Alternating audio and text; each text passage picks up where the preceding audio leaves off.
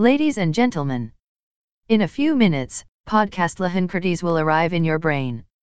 To all passengers who started the trip with podcast Lahankertes, please prepare your belongings. We remind you to set your sound on until the podcast end. Thank you for listening our podcast.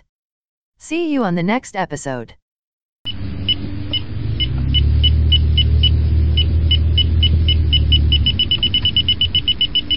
Hai teman-teman, kembali lagi di podcast Lahan Kritis. Oke, di sini ada aku Anggi, ada Restia lagi,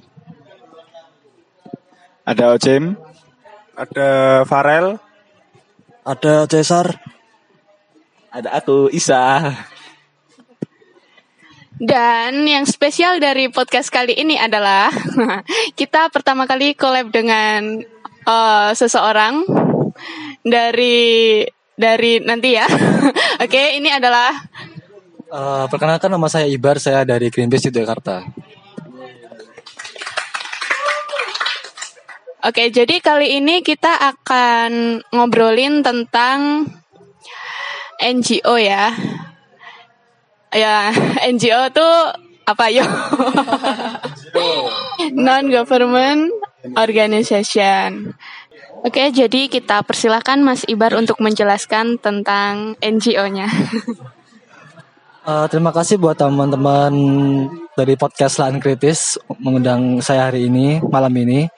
Eh, untuk terminologi NGO sendiri ya, itu sudah lama udah mulai muncul sebenarnya kalau sekarang kita lihat di dunia internasional sejak tahun tahun eh, sejak perang dunia kedua misalnya atau kita bisa lihat awal-awal lagi ketika bagaimana Red Cross eh, organisasi Red Cross itu muncul itu juga salah satu bentuk eh, NGO juga karena pada dasarnya NGO ini eh, lahir dari orang-orang yang melihat dan ingin melakukan kegiatan eh, sesuatu yang lebih efektif ketika isu yang ditangani oleh pemerintah di hadapan pemerintah itu kurang efektif tuh loh.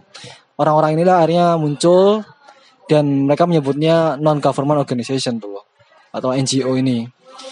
Nah, eh, untuk NGO sendiri memang banyak banget, tapi memang mereka fokusnya lebih utama di satu isu. Di satu isu atau beberapa isu mereka fokuskan di situ. Jadi memang kerja NGO lebih fokus dan lebih terperinci sebenarnya.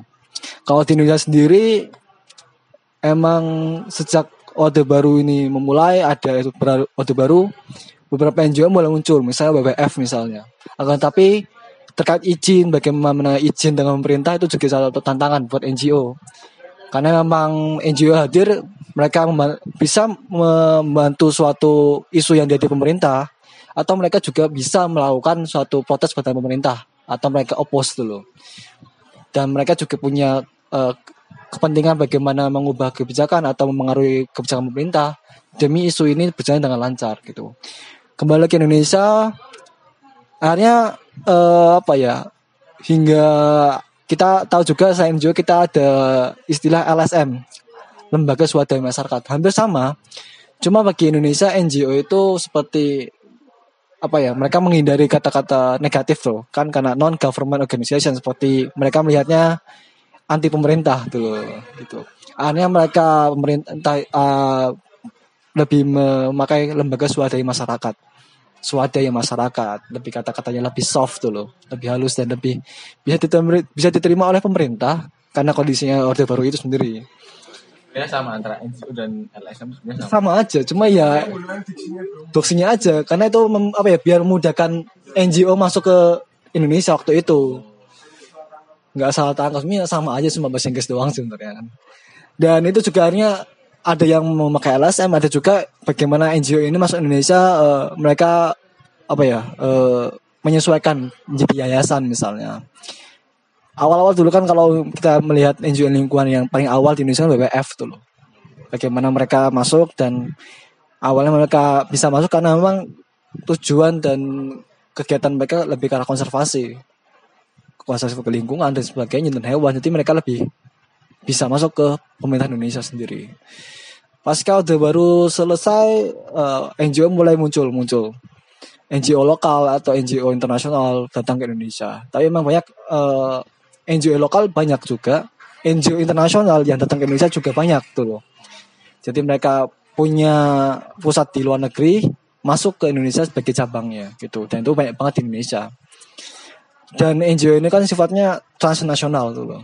Artinya isunya mungkin lokal, misalnya gender, lingkungan, pendidikan, tapi mereka bisa bebas untuk melakukan uh, kegiatan-kegiatan yang trans transnasional, artinya bisa lintas negara.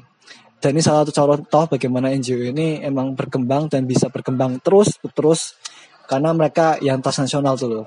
Karena isunya sama gender di Indonesia bagaimana pendidikan uh, apa ya uh, bagaimana perempuan isu perempuan ini secara di Indonesia banyak sekali kan isunya perempuan.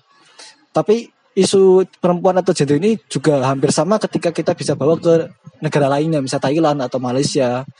Nah, eh, kesamaan isu ini yang membuat mereka bergabung dulu. Ini bukan membuat jaringan internasional, nggak cuma level Asia tapi seluruh dunia loh. Dan satu bagaimana NGO ini juga ada apa ya nilai volunteerisme yang dibangun bagaimana ah, mereka punya volunteer, mereka punya staff juga. Jadi itu yang dibangun sih. Artinya teman-teman di NGO pun sebelum masuk NGO memang mereka udah punya fokus ke isunya sendiri gitu loh. Orang di NGO pun yang bekerja atau mereka yang volunteer pun tidak harus sama dengan jurusan atau pekerjaan yang digeluti. Misalnya orang yang terlibat di isu gender pun nggak harus orang yang di sosial gitu loh. Lintas jurusan tuh loh. Orang yang lingkungan pun seperti itu, tidak harus orang yang dari lingkungan juga atau background yang sains atau ekstra tapi ya memang lintas jurusan karena memang mereka mempelajari isunya isunya dulu lebih ingin menyelesaikan satu permasalahan iya gitu ya? feelnya lebih ke passion ke isunya tuh kadang mereka lebih uh, ketika harus harus mempelajari isu tersebut dulu dan mendalaminya loh dan banyak juga orang-orang yang seperti itu jadi kayak aku juga punya teman ketika dia juga di kerja di NGO lokal, LSM lokal di Jogja namanya Aksara bergerak gender dan gendernya lebih fokus ke arah budgeting ke bagaimana pemerintah mengalokasikan dananya lebih ke arah untuk membantu perempuan dulu. Background dia jauh sangat berbeda dengan apa yang dikerjakan sekarang karena background dia ke dokter dokter hewan dulu. Jadi terus tapi dia punya fokus di kajian gender tersebut. Jadi emang lintas isu lintas itu jadi emang berkembang lebih dinamis mereka di NGO sendiri. Itu uh, pengantar bagaimana apa sih NGO itu seperti itu.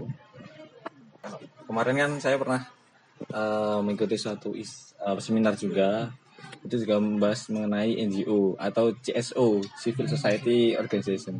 Nah itu ada apa namanya satu kemarin pembicaranya itu mengatakan bahwa sebenarnya NGO itu tuh bisa dibuat oleh pemerintah. Hmm. Itu benar ya maksudnya artinya pemerintah mau membuat NGO padahal NGO sendiri non government organization. Nah, itu sebenarnya gimana itu? Uh, beberapa ada mungkin misalnya uh, dalam arti gini mungkin pemerintah membuat NGO itu bukan sebatas bukan NGO tapi mungkin suatu badan pemerintah atau mungkin komunitas atau suatu gerakan gitu. Yang akhirnya dari gerakan itu mereka uh, masih mungkin tidak bukan pemerintah dalam arti tidak bagian dari pemerintahan. Cuma mungkin masih berhubungan dengan pemerintah atau punya hubungan dengan pemerintah dalam arti pendanaan misalnya uh, eh, NGO ini didirikan oleh pemerintah tapi memang uh, bukan bagian pemerintah atau bukan dari bagian dari dinas apa pun. Tapi mungkin mereka punya hubungan misalnya pendanaan gitu. Gitu. Tapi memang aku jarang sih ketika ada pemerintah yang membuat NGO ini sendiri. Karena memang uh, beberapa orang-orang uh, yang udah di lama di NGO terus bikin NGO sendiri. Atau mungkin uh, ya mungkin bukan NGO sih yang dimaksud tapi program program yang didesain seperti NGO gitu CSO ini mungkin. Karena emang uh, aku jarang menemui orang uh, pemerintah membuat NGO tuh yang ada memang orang-orang yang punya uh, fokus isu tertentu mereka bikin gerakan sendiri. Ketika gerakan ini udah lama dan ternyata banyak orang yang fokus uh, apa ya memperhatikan ya mereka ini buat. Contohnya kayak misalnya di aku lihat yang menarik itu ada Women March loh Women March di Amerika loh. Di pas itu kan didirikan uh, itu hanya sebatas dari postingan di Facebook tuh loh. Ayo kita bikin march nih eh, tap, untuk menentang inu, eh, pe- pelantikan Trump Donald Trump waktu itu. Karena memang kan eh, mereka punya isu bagaimana ketika Donald Trump ini jadi presiden maka akan banyak sekali marginalisasi dan masalah-masalah lainnya.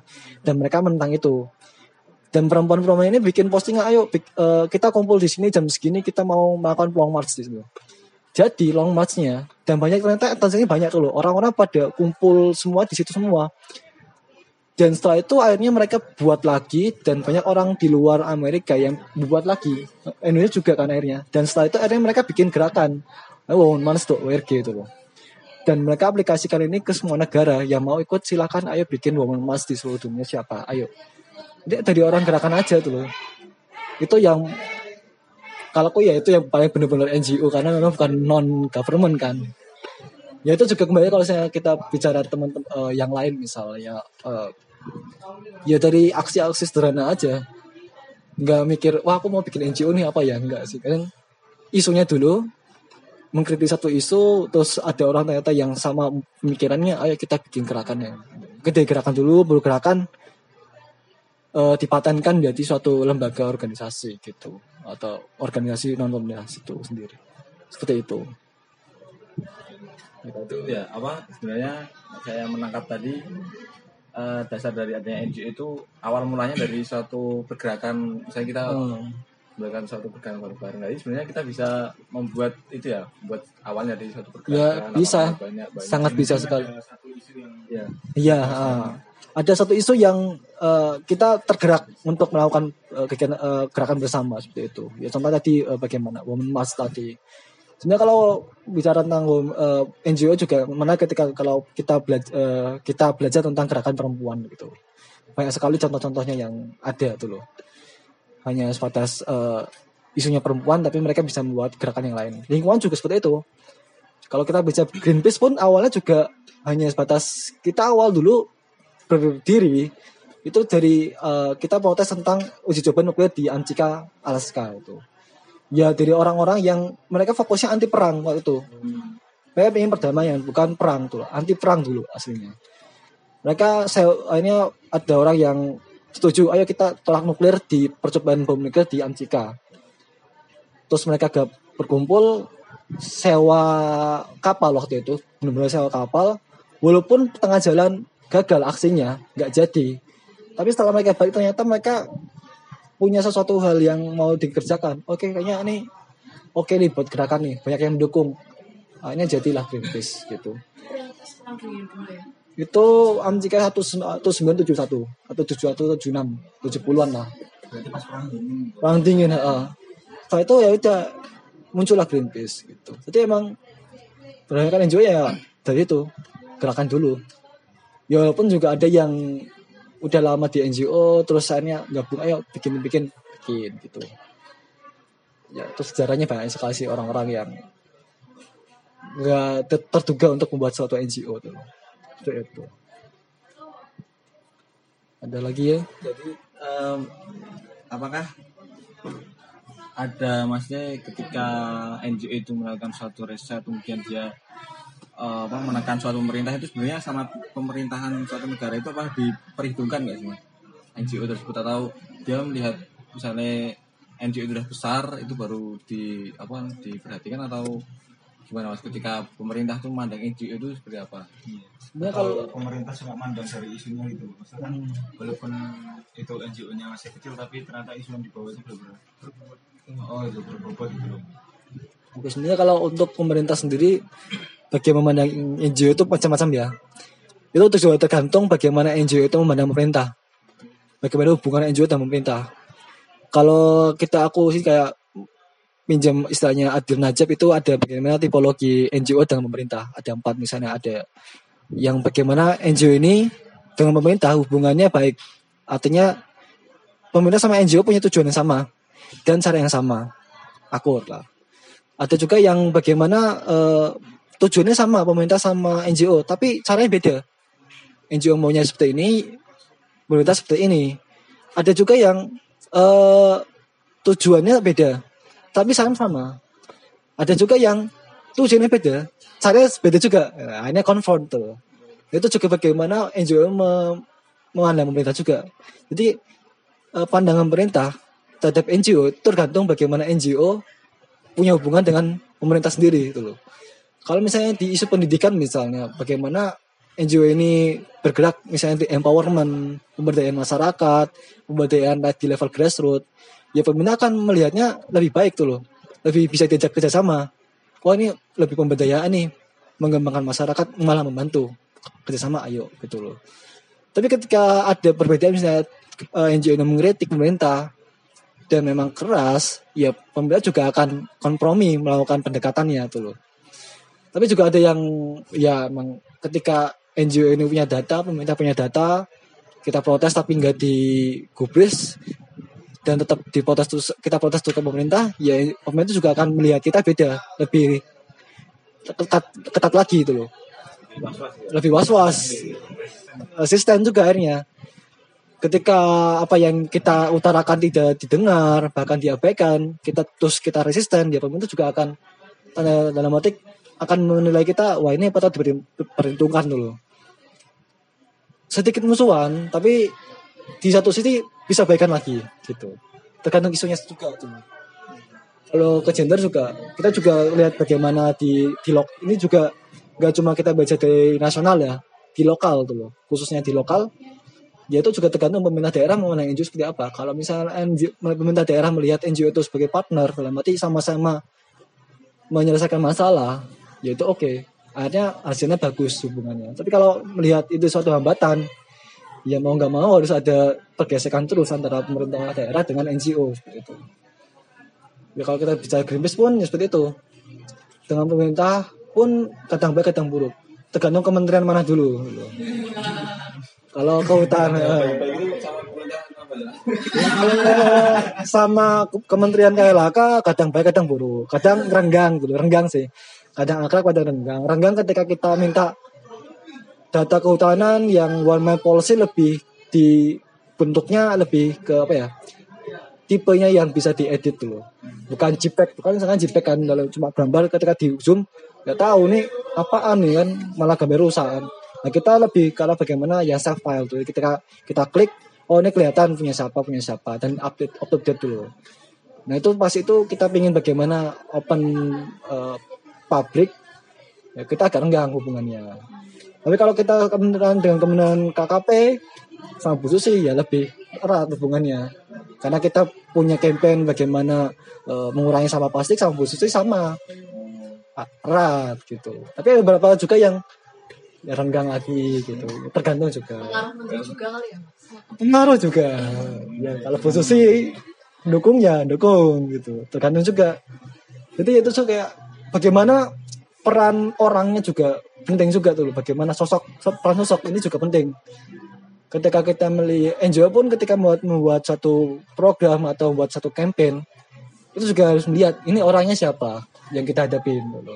harus jelas oh orang ini ternyata di fraksi mana di DPR mana mendukung kita. Oke jadi alia uh, apa ya teman aliansi kita. Oh teman orang ini ternyata gak mendukung isu kita. Jadi lawan dulu jadi emang itu juga akhirnya kalau kita bicara NGO kita juga akan nggak akan lepas namanya bicara tentang advokasi. Bagaimana sih cara advokasi yang benar? Strateginya seperti apa? Bagaimana kita melihat bagaimana sosok uh, kalau kita bicara advokasi kan kita harus masuk ke sistem pemerintah juga. Sistem pemerintahan kita seperti apa tuh kalau kita mau bicara mengubah suatu undang-undang itu seperti apa caranya? Gitu. Dan itu prosesnya lama seperti itu seperti itu mas dari teman-teman ada yang mau tanya nih Rastia, Anggi, Cesar, Farhan. Nah, kalau NGO itu kan kalau pas ya kayak buat-buat apa gitu itu uangnya dari mana mas? Uh, kita masuk ke masalah funding ya pendanaan. Banyak tipenya mbak, banyak tipenya. Ada yang NGO lokal atau internasional mereka dapatnya dari donor, lembaga donor. Lembaga donor itu bisa dari lembaga pemerintahan atau lembaga emang non profit atau dari misalnya banyak sih lembaga donor tuh kayak misalnya di ASEAN tuh bisa Ford Foundation bisa dari Foundation tuh bisa dari Bank Dunia juga bisa sumbernya banyak banyak banget tuh loh. Tapi lembaga donor ini juga punya syarat tertentu untuk bagaimana mereka donor tuh. Dan itu susah. Banyak kan NGO lokal eh, pakainya lembaga donor tuh. Karena mereka emang belum sustain juga. Maka sustain dengan cara lembaga donor. Lembaga donor juga kadang juga dari NGO sendiri internasional tuh loh. Contoh kemarin aku di Aksara di NGO lokal tentang gender di Jogja mereka dapat donornya di Oxfam misalnya NGO internasional di Indonesia juga ada gitu atau bagaimana NGO lokal ini emang selalu melihat uh, lembaga donor mana yang buka uh, pendanaan. Tergantung isinya juga tuh loh. Wah ternyata uh, Ford Foundation ini buka open proposal untuk pendanaan misalnya tentang gender. Berapa nih gitu. Itu bisa lembaga donor. Ada juga yang memang NGO yang fundingnya dari pemerintah dalam arti kerjasama proposal atau pendanaan atau dari perusahaan gitu. Itu bisa tapi ada juga yang uh, pendanaannya memang murni nggak dapat dari lembaga donor nggak dapat dari pemerintah atau perusahaan. Mereka independen dalam arti dapat uangnya dari donatur. Nah Greenpeace salah satunya. Kalau Greenpeace sendiri kita kita nggak terima uang dari pemerintah perusahaan atau apa pun. Kita murni dari donatur. Itu namanya supporter. Dan itu pun udah banyak juga yang mengadopsi NGO lainnya. Jadi ada NGO yang memang buka donatur tapi juga mereka open uh, dari lembaga donor juga gitu. Dan mereka macam-macam untuk donatur ini. Kalau di Greenpeace sendiri kita ada minimal misalnya untuk jadi donatur minimal satu ribu maksimal satu jutaan gitu. Jadi kalau ada orang mas aku mau sumbang Greenpeace 50 juta kita nggak bisa nerima. Takutnya banyak takutnya itu aja. Bukan uh, takutnya ketika dia uh, apa ya nyumbang ngasih sumbangan 50 juta itu adalah salah satu bentuk uh, money laundry pencucian uang bisa saja kan mencuci uangnya dan cara donatur lah buat gitu. Jadi kayak takutnya seperti itu. Kita maksimal nggak banyak banget, minimal juga segitu untuk uh, menjaga kredibilitas kita juga tuh loh. Independen kita juga tuh loh ya donatur juga banyak tuh nggak cuma dari Indonesia juga kan di banyak juga itu di Indonesia emang banyak kan seperti itu dalam arti dari donatur lembaga donor pemerintah perusahaan gitu. Tapi kalau kita bicara ke NGO yang lebih internasional di luar negeri kadang ada dari lembaga gereja lembaga amal itu juga ngasih atau lotre itu juga bisa sebenarnya. Ada ya lotre juga kadang bisa sih untuk jadi atau pendanaan juga dan itu di luar negeri itu juga banyak karena memang mereka di luar negeri udah lebih berkembang untuk pendanaan ini gitu jadi ya emang pendanaan itu bisa di mana aja gitu loh dan itu jadi satu faktor keberhasilan NGO untuk sustain tuh loh. ya karena mereka bukan pemerintah ya mau dari mana lagi untuk sumber pendanaan tuh loh seperti itu. Tapi nggak pernah usaha sendiri ya mas. Kan kalau misalnya kayak kita kampus kan kita fundingnya dengan jarusan, iuran. Beberapa ada, beberapa ada. Misalnya saya self sak itu kan satu gerakan juga self sak Indonesia kan didirikan oleh Riani di Jangkaru mantan host di Petualang dulu.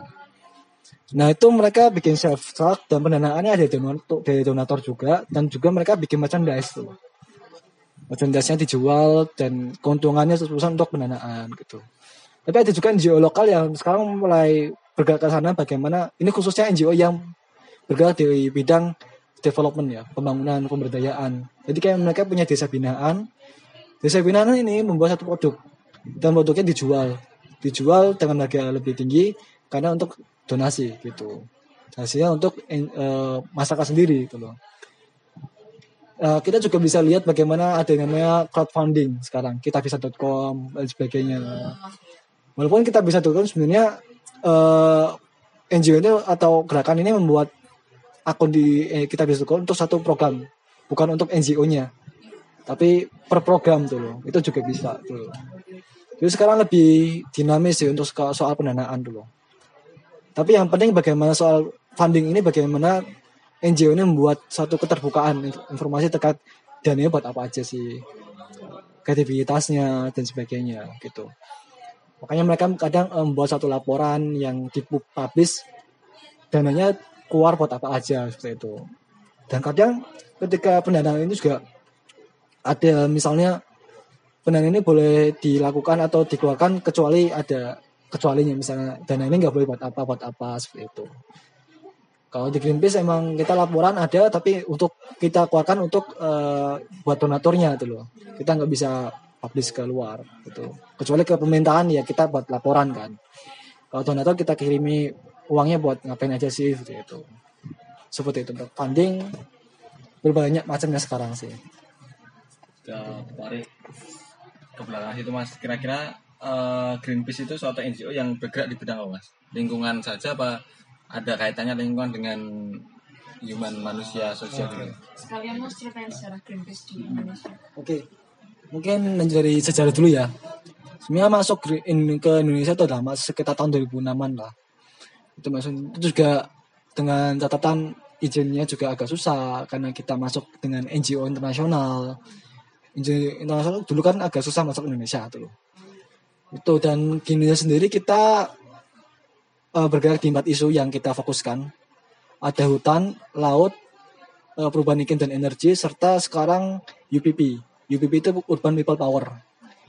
Sekarang UPP atau Urban People Power ini lebih bergerak ke isu sampah plastik gitu. Itu Indonesia sendiri. Kalau dan Greenpeace Indonesia sendiri kan eh, apa ya organisasi kampanye. Bagaimana kita mempunyai eh, prinsip kampanye yang kreatif tanpa kekerasan. Kita punya prinsip non-violence dan bearing witness. Bearing witness itu dalam arti ketika kita melihat suatu isu atau masalah kita harus melihat langsung bukan batas asumsi atau katanya doang nih harus kita harus terjun langsung lihat langsung dan pakai data penelitian itu dan independen misalnya independen dalam arti funding kita ya dari donatur tersebut kita menerima dari pemerintah atau perusahaan. Nah selama ini Greenpeace emang di fokusnya kampanye. Dan Greenpeace sendiri sendiri kita punya basis volunteer. Bagaimana kita bergerak itu karena volunteer.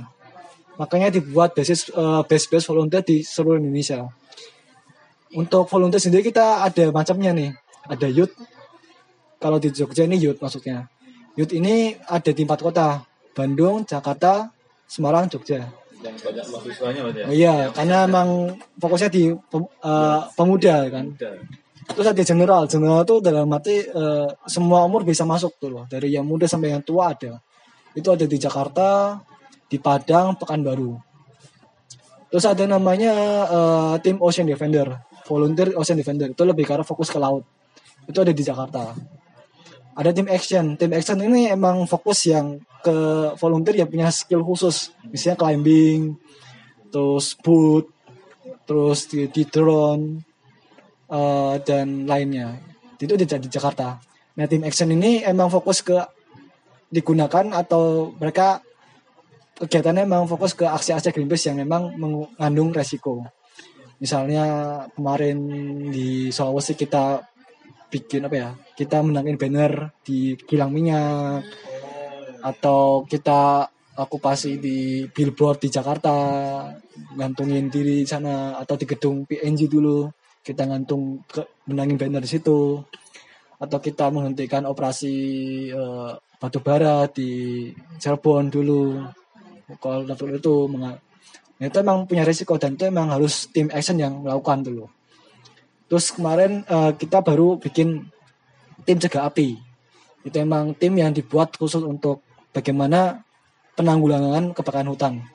Itu ada di Ketapang di Kalimantan sama di Riau. Dan memang tim cegah api ini fokusnya bagaimana menentukan hotspot penanggulangannya seperti apa mencegah api untuk lebih besar. Jadi emang mencegah kebakaran bukan tim pemadam kebakaran gitu. Lebih pencegahan seperti itu jadi emang di Greenpeace emang kita apa ya pejuang dalam arti paling depan atau yang garis depan untuk melakukan kampanye adalah volunteer gitu. Dan emang banyak volunteer kita seperti itu. Sampai di ada juga yang namanya grassroots grassroots ini lebih ke pendampingan pendampingan masyarakat itu itu ada di, di Bandung Pekalong eh, Purwokerto di Salatiga Malang di Bali juga ada seperti itu. Itu macam-macamnya dan tiap kota memang kita ada. Dan fokus tadi yang empat tadi yang lingkungan tadi hutan laut energi dan UPP emang fokusnya ke lingkungan. Tapi pada akhirnya akan bersinggungan dengan masyarakat gitu loh. Misalnya bagaimana kita di energi bagaimana kita menolak PLTU batu bara itu juga kita menampingi masyarakat yang terkena dampak eh, PLTU misalnya di Batang gitu. Di Batang kita emang apa ya menampingi mereka walaupun pada akhirnya PLTU ini mau sedang dibangun kita pun mentraining pemuda di Batang khususnya di Roban masyarakat eh, nelayan untuk bagaimana mereka lebih aware tentang hukum. Bagaimana mereka lebih aware tentang amdal misalnya. Kita training di situ. Atau misalnya di Kalimantan bagaimana kita mencoba buat solusi kampanye solusi energi ini dengan cara eh, solar panel misalnya. Ya kita ke di Kalimantan bersama suku Dayak Iban. Karena mereka eh, tidak mendapatkan aliran listrik. Dan mereka ditawari untuk mendapatkan aliran- listrik dengan syarat menjual tanah adat mereka hutan adat mereka. Tapi mereka menolak. Karena kita datang sana kita training masyarakat Dayak Iban untuk membuat eh, untuk instalasi solar panel. Dan mereka bisa. Itu solar panel. Dan mereka bisa akhirnya. Dan banyak juga ketika misalnya ya masyarakat di kita campaign di laut misalnya ya kita juga bergerak untuk di masyarakat nelayan misalnya di Tarantula di Gorontalo sebagainya. Kita belajar eh, bagaimana sih cara penangkapan ikan alat eh, alat mancing yang baik dan sustainable tuh loh. Karena mereka punya cara sendiri itu untuk tidak merusak tuh loh. Bagaimana tidak overfishing misalnya. Tidak menggunakan alat pancing yang merusak lingkungan misalnya. Lebih sustain itu jadi kayak eh, di Greenpeace ini isunya lingkungan tapi juga bergerak di sosial juga. Karena mereka yang lebih tahu di sosial ini tuh. karena pada akhirnya ketika kita bicara lingkungan kita akan bicara tentang ekonomi bicara tentang sosial masyarakat bicara tentang hak asasi manusia juga itu karena lingkungan juga luas juga akhirnya. Seperti itu mas. Eh, bagaimana Greenpeace itu? Dalam eh, kan mengkampanyekan suara dari masyarakat. Bagaimana keterbukaan Greenpeace itu terhadap masyarakat dan cara Greenpeace meng- mengajak dan mengambil pendapat dari masyarakat itu sendiri. Ya, eh, untuk sebenarnya banyak cara juga sih mas untuk bagaimana kita mendekat ke masyarakat dulu. Artinya gini kalau kita bergerak untuk masyarakat, misalnya di daerah Cilacap dulu, teman-teman grassroots pun masuknya bukan langsung bilang saya dari Greenpeace, saya mau kampanyekan ini ini enggak. Kita enggak langsung tutup pohon gitu. Kita masuk dulu ke pengajian, ibu-ibu di sana. Memang benar begitu, karena mereka teman-teman volunteer grassroots memang mereka tata cara caranya ya dengan ikut pengajian dulu, ikut eh, kumpulan dulu, lihat bagaimana masyarakatnya. Kita ke sana bukan untuk kasih tahu, tapi kita harus lihat langsung. Sebenarnya masyarakat di sana udah peduli atau tahu nggak sih tentang masalah lingkungan yang dihadapin dulu. Jangan-jangan udah ada PLTU tapi mereka nggak tahu itu PLTU, mereka nggak tahu masalahnya apa. Mereka mungkin dapat masalah tapi nggak tahu caranya gimana. Jadi kayak memang lihat dulu, melihat masyarakat seperti apa, baru kita eh, ngobrol secara halus. Kita juga nggak langsung tembak kita ada Greenpeace enggak. Kita ngobrol dulu. Mereka aware tentang lingkungan, tentang masalah di tempat mereka. Berarti butuh waktu yang lama ya ketika Prosesnya lama, lama dan harus eh, apa ya? Emang harus membaur dulu. Iya, tapi kalau saya lihat ketika memang kita awalnya masuknya Hmm. kayak seperti itu nanti bakalan kita bakal bisa menarik Iya, bisa iya, eh, karena masyarakat juga nggak akan melihat kita sebagai Greenpeace atau enggak. Mereka melihatnya oh ini orang bisa diajak kerjasama, bergerak berjuang langsung. Misalnya di Batang, di Batang pun proses lama juga mas. Dari tahun berapa ya? 2009, 2010 tuh ada. Masuknya tuh lama banget kita. Emang karena itu kan eh, proyeknya belum dibangun, baru isu aja. Tapi emang selagi kita mendekatkan dengan masyarakat, kita juga cari tahu faktanya. Bener nggak ini mau dibangun? Siapa yang mau bangun? Permainan Batang seperti apa? Memang prosesnya lama. Sampai untuk bagaimana kita mengambil hati masyarakat juga lama. Dan itu pun belum lagi ketika kita menghadapi masyarakat yang ada yang pro, ada yang kontra.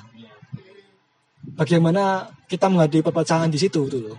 Itu yang harus hati-hati juga dulu isunya. Makanya kita nggak harus pelan-pelan mencoba bagaimana sih eh, konteks masyarakat di sana seperti apa tuh. Nah, ketika udah mulai terbangun jaringan ini ya ketika mereka kita mau aksi mau campaign mereka siap tuh loh sampai ke Jakarta untuk aksi langsung ke depan kementerian. Mereka juga swadaya sendiri nggak dibiayain. Masyarakat sendiri yang bergerak tuh. Itu bagaimana kita ya itu. Jadi cara untuk mendekati masyarakat caranya banyak banget tuh. Sesuai harus kita harus mengikuti alur masyarakat. Dan yang penting adalah jangan asumsi. Gitu sih. Kadang kan kita punya asumsi sendiri kayak oh ini lingkungan yang benar yang bersih yang sustain seperti ini seperti ini. Tapi ketika sama masyarakat beda caranya beda juga ada yang nggak jalan tuh entah nggak jalan ada penolakan atau malah nggak berhasil kampanyenya gitu dan sekarang Greenpeace mencoba bagaimana caranya mengedepankan masyarakat yang jadi heroesnya jadi pahlawannya Nah, nanti ketika kita ma- masuk ke masyarakat, yang ditonjolkan ke masyarakatnya bukan Greenpeace-nya. Itu yang cara. Heeh. jadi emang ketika di kita upload di sosial media kita yang kita tampilkan masyarakatnya dulu. Bagaimana masyarakat yang berjuang untuk lingkungannya, mempertahankan lingkungannya itu yang kita blow up dulu, yang kita angkat. Sosok siapa-siapanya itu harus kita angkat, bukan Greenpeace-nya. Greenpeace sebagai eh, kita yang membantu gitu loh. Kalau main kayak misalnya sama teman-teman di Bali ya kita angkat masyarakatnya Greenpeace dengan masyarakat nelayan melakukan ini waktu di Karimun ya kita angkat masyarakatnya dulu sosok siapa sih eh, Bang Jack yang menolak eh, bagaimana transportasi tongkang batu bara melewati karang mereka ya kita angkat masyarakat dulu itu baru kitanya seperti itu. Seperti itu sih. Itu cara kita bagaimana kita melihat masyarakat juga punya peran penting dalam melakukan perubahan dulu dan mereka bisa ternyata. Itu yang kita percaya. Jadi jangan sama saya ini Greenpeace Greenpeace terus. Ya kita juga terbatas tapi kita ingin bagaimana mengubah konsep masyarakat ini bisa dan mereka bisa melakukan aksi yang lebih daripada Greenpeace gitu seperti itu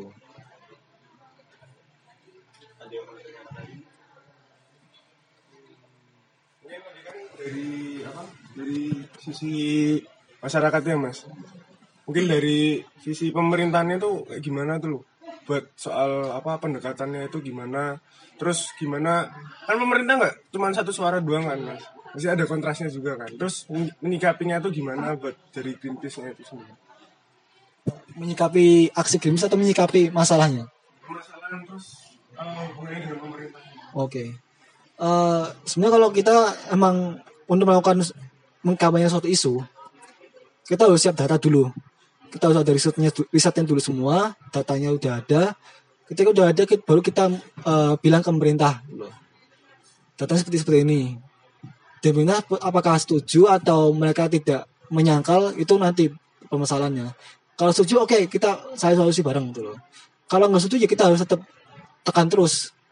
Kalau nggak ketika data yang kita tawarkan pemerintah tidak malah kontras dalam arti pemerintah juga masih tidak menyangkal data yang ada fakta yang ada ya kita ada yang mau kam- eh, kampanye seperti itu dulu ya walaupun pada akhirnya ada yang berhasil ada yang enggak ketika nggak berhasil ya tetap kita kampanyekan terus dulu ke pemerintah sendiri. Misalnya kalau eh, baru-baru ini bagaimana kita menuntut eh, pemerintah DKI Jakarta untuk apa ya eh, memperhatikan kualitas udaranya tuh karena kualitas udara lebih faktanya emang kualitas udara Jakarta udah jelek loh. Tapi pemerintah bilangnya aman. Karena itu persoalan bagaimana standarnya. Standar kita lebih tinggi. Eh, terus eh, standar pemerintah biasa aja dan biasa aja itu sebenarnya udah bahaya juga sebenarnya untuk standarnya tuh loh. Kayak itu kembali ke sudut pandang pemerintah melihat satu isu seperti apa tuh loh. Emang di teman-teman NGO melihat punya standar yang agak tinggi dan pemerintah standarnya ya biasa aja tuh loh. Tapi kan kita memang menuntut bagaimana isu ini lebih baik tuh loh. Bagaimana masyarakat lebih baik tuh loh. Bagaimana pemerintah lebih baik, negara ini lebih baik. Itu yang kita inginkan tuh loh. Karena kan memang NGO itu sebagai kontrol pemerintah tuh loh. Semua NGO memang punya punya peran penting sebagai kontrol pemerintah tuh, mengawasi pemerintah. Dan menyikapi apa yang kita lakukan pun macam-macam sih mas untuk bagaimana pemerintah menyikapi uh, Greenpeace sendiri itu loh. Ya kalau aku bilang sebelumnya bagaimana KLHK punya uh, apa ya kadang melihat Greenpeace baik kadang buruk kadang kosong juga tergantung persepsi mereka juga tuh loh. Ya itu ini kembali lagi bagaimana uh, pemerintah menyikapi suatu isu apakah mereka serius atau enggak sebenarnya? Urgent atau enggak? Suatu prioritas atau enggak sebenarnya? Bagaimana kemarin ada kebakaran hutan tapi dibilang nggak ada kebakaran hutan misalnya? Walaupun, eh, walaupun itu apa ya benar-benar terjadi itu loh. Tapi emang itu apa ya fungsi NGO memang jadi kontrol pemerintah tuh loh sebagai mainstreamnya tuh kan seperti itu. Tapi tetap eh, fokusnya bagaimana kita fokus ke isunya dulu. Entah pemerintah setuju itu enggak ya terserah eh, kita bisa cari cara yang lain dulu seperti itu. Eh seperti itu sih untuk bagaimana ke pandangan pemerintah eh, satu isu atau ke NGO eh, yang lainnya seperti itu Kalau sama NGO gimana mas? Mungkin apa Greenpeace sama WWF atau sama ngabai itu hubungannya gimana? Apakah mereka pernah bertabrakan kepentingan, musuh-musuhan? Eh jarang sih selama ini sih. Ya belum pernah juga sih. Kalau sesama lingkungan mungkin belum pernah. tuh. Walaupun sebenarnya kadang kita punya pandangan beda misalnya menyikapi suatu isu, ya itu wajar. gitu. Pandangan beda itu wajar. Tapi kita kalau udah pas pandangannya beda, misalnya suatu misalnya hutan nih, ya kita mengakali dengan cara kita bikin tandingan dulu. Dalam arti saya gini, eh apa sih namanya eh, menyikapi suatu pembuangan lahan misalnya sawit misalnya. Ada RSPO misalnya. RSPO ini kan sebenarnya eh, satu konsep yang isinya ada perusahaan ada NGO juga. Tapi pada dasarnya RSPO pun tidak menjamin bahwasanya sawit ini berkelanjutan nah Greenpeace pun membuat tandingan kita mempropos yang namanya HCS gitu. high carbon eh, high stock carbon misalnya bagaimana pembukaan lahan itu berdasarkan, berdasarkan karbon ini nggak bisa ditebang, nggak bisa dibuka karena karbonnya tinggi. Eh, ini masih eh, kerapatannya masih eh, padat nih, nggak boleh dibuka misalnya. Itu yang kita tawarkan dulu. Tapi memang ya kita nggak langsung musuhan enggak sih, langsung kontras itu enggak. Tapi memang kita saling memberikan solusi itu loh. Solusi masih yang terbaik. Tuh. saling membangun ya. Membangun sih. Komunikasi antar NGO nggak sih mas? Atau gathering antar NGO? yang satu isu gitu Saat, ah, ah, Uh, sebetulnya forum komunikasi NGO lingkungan. sebenarnya forum tuh ada, ada tuh loh. Em, kalau di lingkungan sih, aku juga jarang mengikuti juga sih kalau mereka forumnya seperti apa. Pasti adanya. Kalau teman-teman tahu C4 misalnya lembaga itu mungkin mereka juga bikin annual forum mengundang NGO sebagainya. Dan bagian juga forum itu kan sebenarnya yang buat NGO juga tergantung NGO mana yang membuat tuh loh lembaga mana yang membuat ketika forum itu berjalan siapa yang mengundang tuh loh di gerakan isu perempuan juga banyak ada forumnya sendiri yang buat juga tergantung siapa yang buat tuh nah forum itu sebenarnya bagus juga buat NGO juga untuk meng- apa ya menyuarakan isu yang ada mencari solusi yang ada membicarakan suatu masalah gitu ya forum itu ada karena memang itu jadi satu cara bagaimana NGO itu eh, apa ya melakukan jaringan tuh. Dan forum itu nggak cuma NGO doang, mengundang pemerintah, mengundang perusahaan. Tujuannya itu mencari kesepakatan dulu. Misalnya di Bali kemarin tentang eh, laut misalnya. NGO uh, juga diundang oleh ke- kementerian dulu. Dan banyak NGO lainnya, perusahaan lainnya juga. Untuk audiensi misalnya, ini ada masalah isu plastik nih, isu laut misalnya. Seperti apa pandangan antara NGO seperti apa tuh? Seperti itu. Forum itu penting kok. Kalau hubungan dengan perusahaan kapital kayak misal Nestle kan lagi dibenci banget tuh. Heeh. Uh, itu Uh, kan kemarin yang Ah. bikin monster plastik Ah. kan. Ya karena memang Greenpeace ini fokus eh, banyakan kampanyenya menyerangnya perusahaan semua sih. Dari hutan, misalnya hutan ya kemarin terakhir kita hutan itu masalah ke Oreo misalnya. Sawit eh, karena Mondelez mendapatkan eh, sawit kota dari sini dan bagaimana kemarin ke Nestle. Ya emang itu yang kita lakukan dulu. Emang apa ya? Karena memang kita melihat perusahaan yang internasional ini punya andil besar dalam perusahaan lingkungan misalnya. Bagaimana Mondelez atau misalnya Wilmar atau sebagainya, Sinarmas atau Nestle kemarin. Karena mereka punya andil besar untuk kerusakan misalnya Nestle bagaimana kemasan mereka emang nggak ramah lingkungan sekali pakai dan memang membuat kemasan yang memang tidak ramah lingkungan tuh loh. Dan itu yang kita protes tuh. Dan memang caranya berbeda-beda kita kita menghadapi perusahaan ini kalau emang caranya bagus ya emang berhasil kayak Oreo kemarin tuh komit.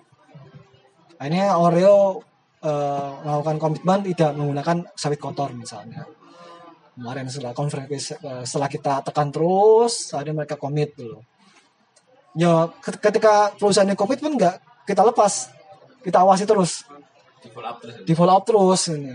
kalau misalnya kemarin data terus ini bener nggak mereka nggak beli minyak sawit kotor nih oh bener. Kalau tahu-tahu teman kita wah nih beli sawit kotor lagi ya kita protes lagi itu loh. Nah, kemarin tadi Wilmar IOI juga ini kita pantau terus mereka walaupun tetap kita protes juga tuh loh. Nestle pun sempat eh, demikian juga.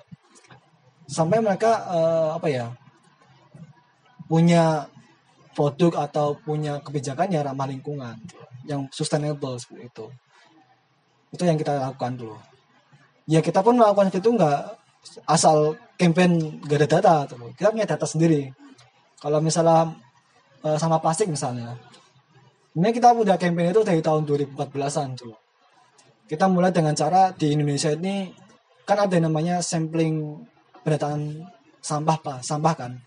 Tapi pendataan itu hanya sebatas organik dan non organik dulu dan plastik misalnya.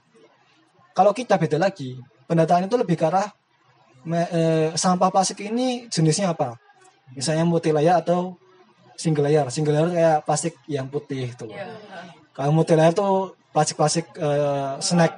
Snack yang dalamnya ada aluminium foil aluminium tuh loh. Atau misalnya sampah kaca botol kaca. Atau misalnya eh, botol sampo. Itu kan sampah plastik yang lebih keras kan. Itu ada jenis sendiri. Atau botol plastik sedotan. Itu kita bedain semua jenis-jenis sampahnya jenis packagingnya tuh bedain semua. Jenis packaging terus jenis sampah plastiknya. Ini sampah makanan rumah tangga atau sampah obat-obatan atau perawatan diri. Tiga jenis itu kita bedain. Setelah itu baru kita ini yang punya kemasan punya packaging atau produknya punya siapa? Jenisnya nanti jenisnya produknya kayak mereknya dari merek apa? Terus yang produksi siapa?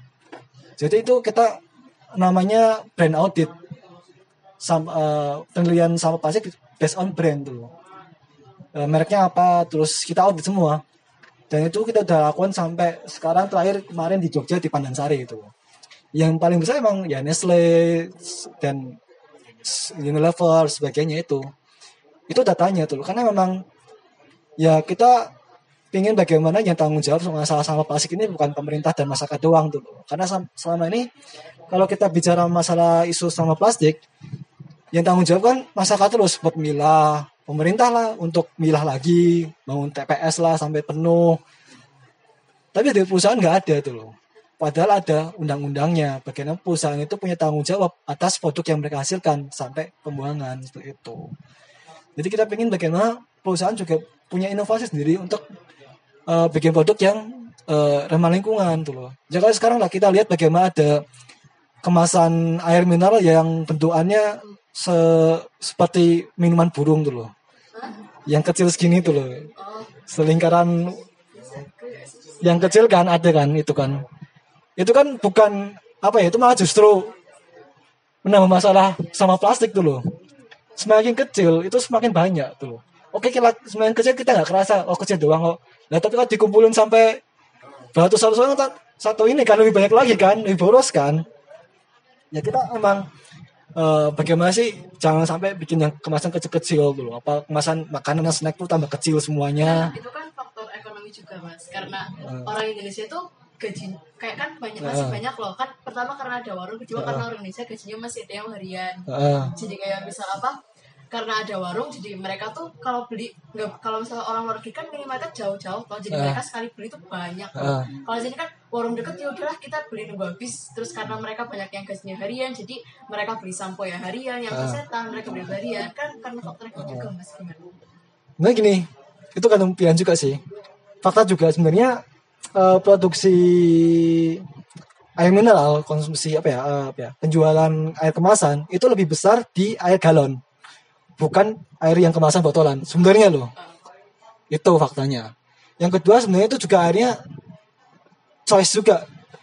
eh, perusahaan-perusahaan ini yang membuat mem- memberikan pilihan dulu. Kalau perusahaan ini membuat pilihannya yang kemasan lebih banyak, ya orang bakal milih itu. Nah perusahaan itu udah milih pilihan kayak pilih pilihan yang kemasannya paling banyak, kecil, sedang, dan kecil-kecil. Sasetan yang kecil-kecil dulu, ya masyarakat akan membelinya yang sasetan. Padahal kalau dikalkulasi kan sama aja sebenarnya, bahkan lebih hemat yang besar. Walaupun ketika sekali beli, wah mahal ya seratus ribu ya, tapi kan bisa awal satu bulan. Atau apa sebenarnya itu faktor pilihan juga sebenarnya. Ya itu juga budaya juga. Kecil tuh kayak nggak kerasan ya kecil ya. Tapi kalau kita kecil kan paling habis berapa kali sih kalau misalnya sampai sasetan sehari habis kan buat atau dua hari lah. Itu kali misalnya buat satu keluarga berapa udah kemasannya daripada kita beli satu sa- eh, packaging yang lebih besar dan bisa isi ulang. Lebih hemat mana gitu loh. Dan itu kan kayak akhirnya berimplikasi ke bagaimana kita faktor ke konsumerisme kita tuh loh. Kita orangnya akhirnya ketika eh, perusahaan ini memberikan packagingnya lebih banyak variatif ya akhirnya konsumsi kita meningkat. Tapi kalau nya memberikan packagingnya lebih hemat bisa refill misalnya ya orang akhirnya lebih tidak akan menekan konsumerisme itu sendiri itu loh. Itu kalau kita bicara masalah sampah plastik. Nah itu juga akhirnya kita ketika campaign masalah suatu isu kita juga bagaimana merubah persepsi orang eh, terhadap suatu isu itu sendiri itu loh. Bagaimana kita mengubah habit se- seorang tuh loh. Itu caranya itu campaign juga akhirnya ke benar ke pesan apa sih yang mau kita eh, sampaikan seperti itu.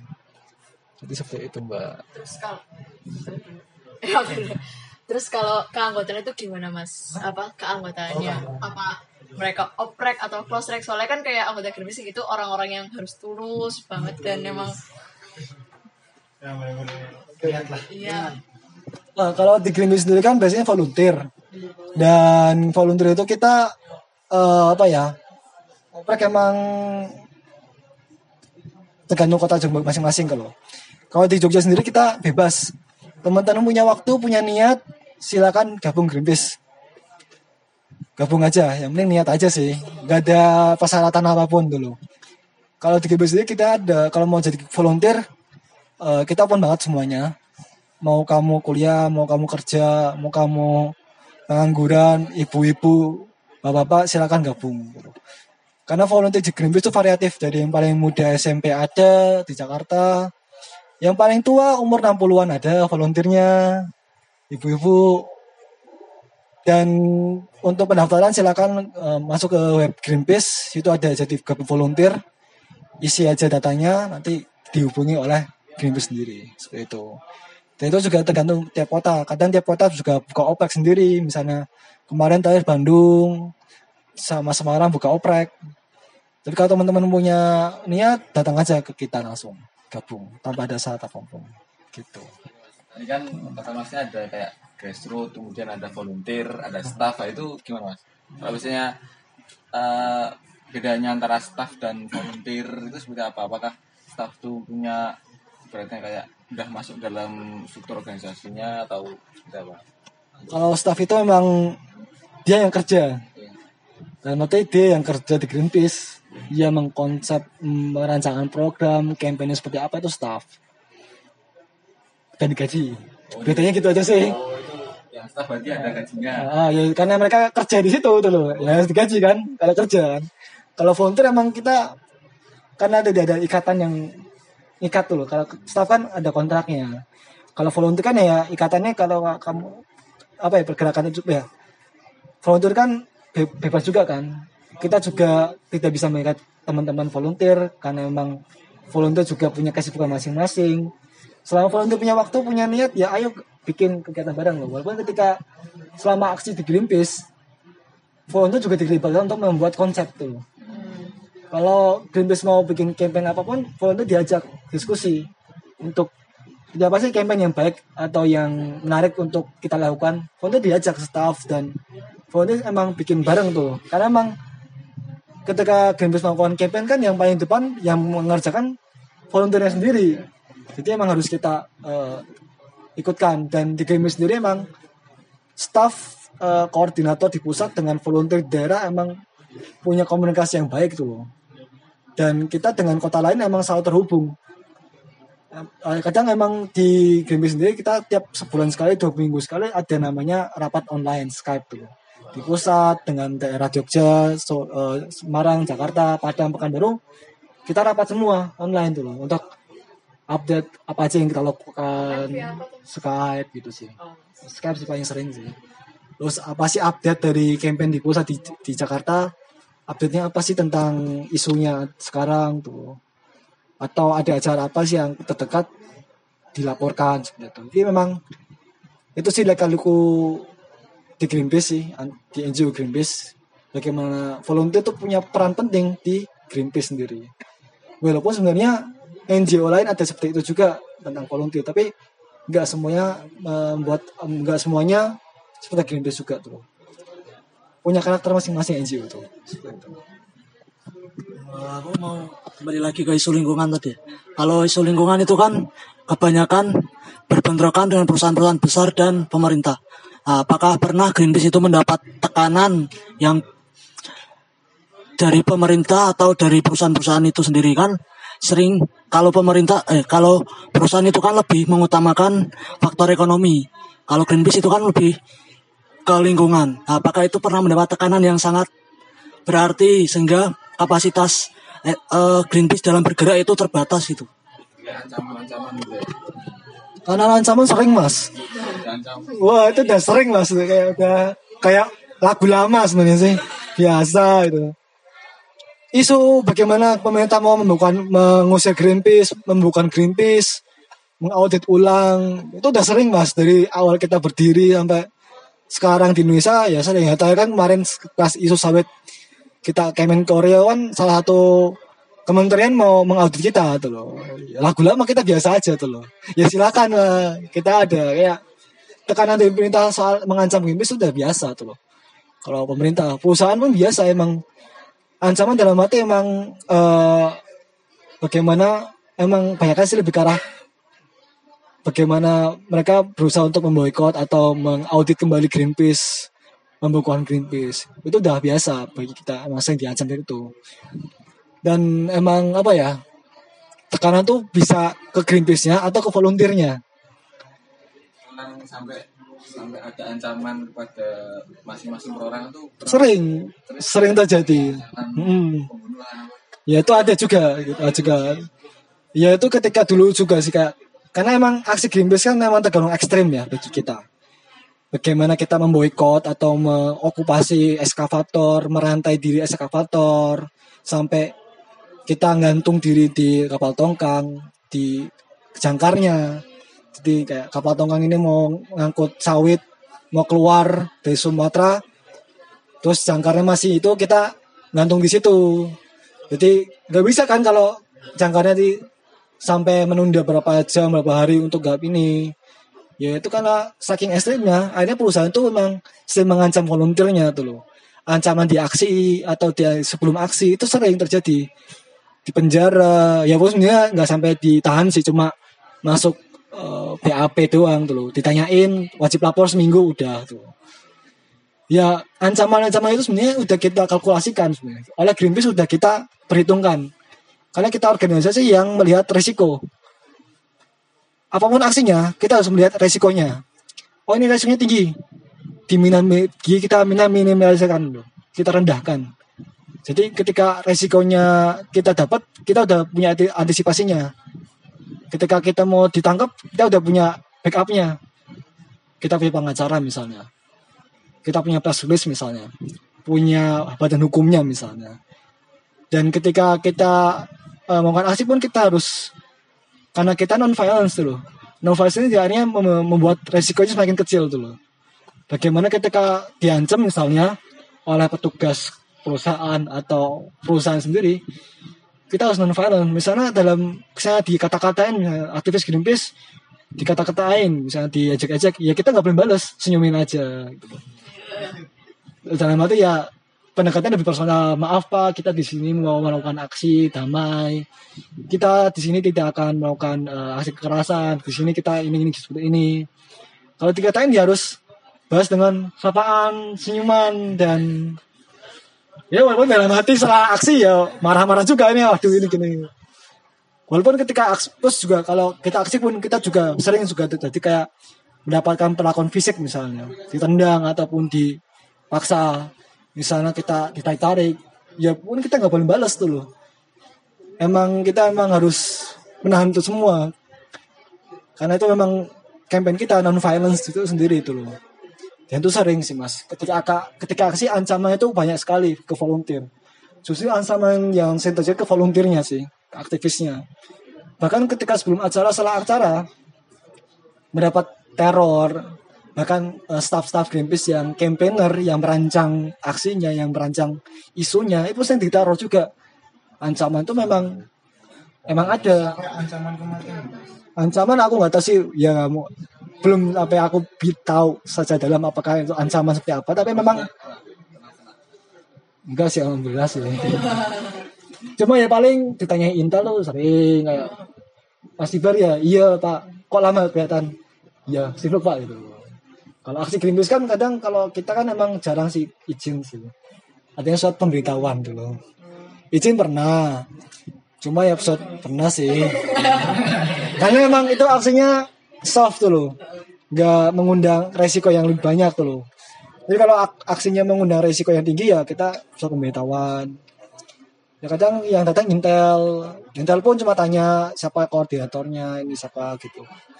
Kalau Jogja sih aman-aman aja. Tapi kalau di di daerah lain yang memang punya intensitas lingkungan isu lingkungan yang lebih tinggi ya bener-bener ancaman itu pasti ada tuh. Dikejar di emang di teror kalau kayak di Batang atau di Bali Ya itu memang ancamannya emang lebih tinggi itu loh dari perusahaannya sendiri atau bahkan dari uh, pihak berwajib tuh pengundang misalnya. Ya selama ini emang ketika kita tangkap ditangkap aktivis aktivis ditangkap pun kita udah punya backup pengacaranya misalnya. Udah kita siapin semuanya. Jadi ya tidak ada yang namanya di penjara atau enggak ada. Indonesia sama ini di Indonesia sih nggak sampai sih.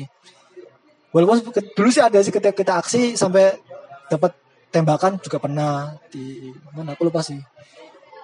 Pokoknya di luar Jawa aktivis kita mendapatkan te- tembakan peringatan gitu.